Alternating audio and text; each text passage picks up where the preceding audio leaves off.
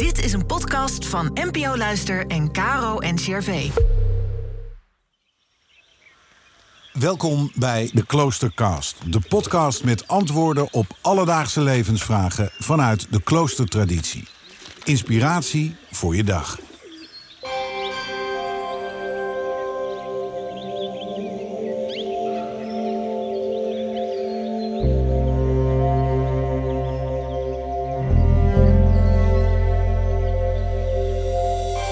Denken over de dood. Waarom zou je? Zuster Julian Trappistin van de abdij Koningsoord in Arnhem heeft wel een vermoeden.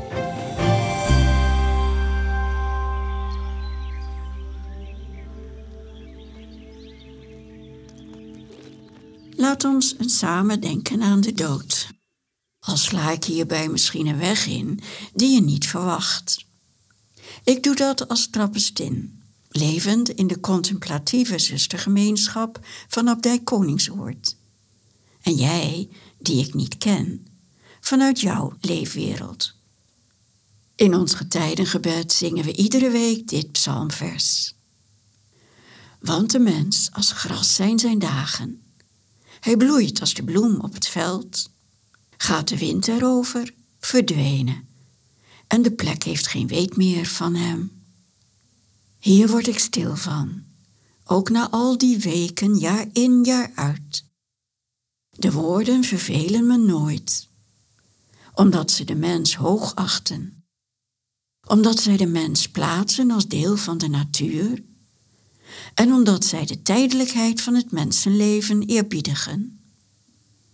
Ja, je hebt gelijk als je me zegt dat er nog zoveel meer facetten zijn om aan te denken als het gaat over de dood.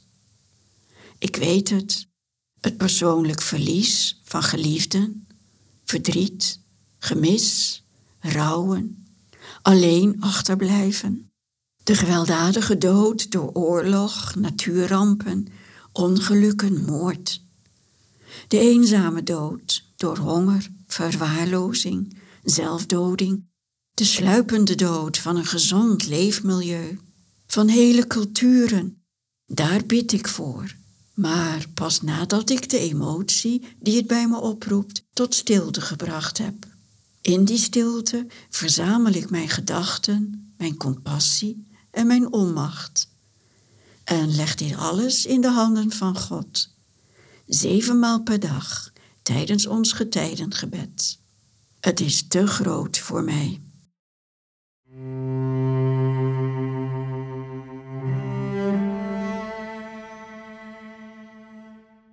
In onze leefregel van Sint Benedictus lees ik in het hoofdstuk over welke de werktuigen zijn om goed te handelen, de dood dagelijks voor ogen hebben.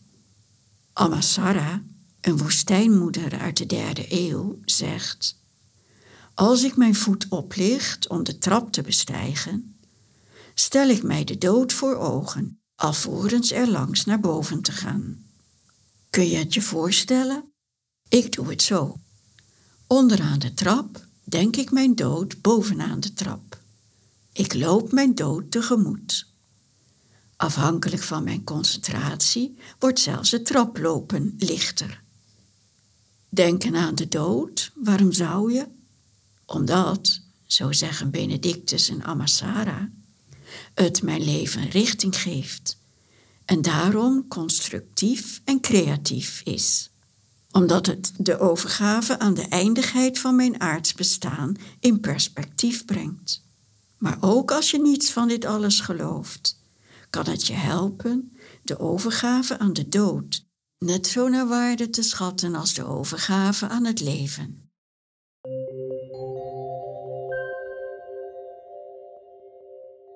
Bij de apostel Paulus kom ik nog een heel andere gedachte over de dood tegen, waar hij schrijft: Ik leef niet meer, Christus leeft in mij.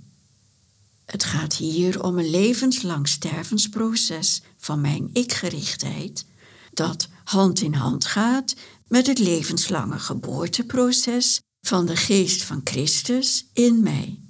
Ik leef niet meer, Christus leeft in mij. Dood en leven ontmoeten elkaar. nemen elkaars plaats in.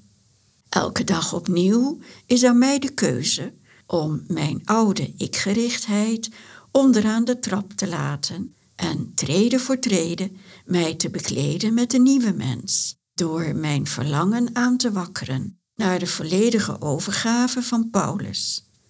Hij, Christus, moet groter worden en ik kleiner.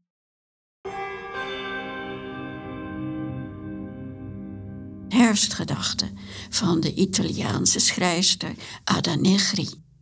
Maak mij hier gelijk aan die stervende blaadjes die ik vandaag in het zonlicht op de hoogste tak van de olm zie sidderen. Ze sidderen, maar niet van pijn. Zo klaar is het zonlicht en zo zoet het losraken van de tak om zich met de aarde te verbinden. Ze vlammen op in het laatste licht, hun hart offerbereid. De doodstrijd is voor hen mild en genadig als een dageraad. Maak dat ook ik me loswaai van de hoogste tak van mijn leven, zo zonder één klacht, doorpriemd door u zoals zij door de zon.